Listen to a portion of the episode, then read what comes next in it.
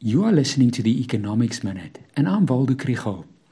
In these few weeks before the president's SONA and the budget speech, the big issues are in the media. Over the weekend, the president said that the viability and affordability of some form of income support for unemployed and poor people should be investigated. There have also been two major studies that offer a lot of options. The big questions remain what is enough to help? And can the Treasury afford it? The 350 rands per month COVID relief grant for 9.5 million people costs about 40 billion rand, eh, but that ends in March.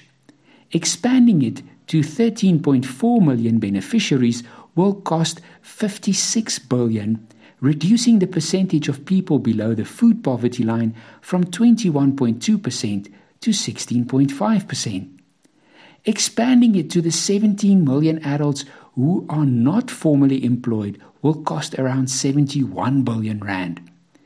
This can be paid for by increasing personal income tax rates by 2 percentage points. Even larger amounts for even more beneficiaries will cost much more and are not affordable in the existing budget framework.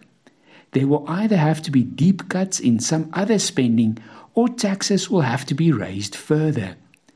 I think continuing the existing 350 Rand allowance is the safest option.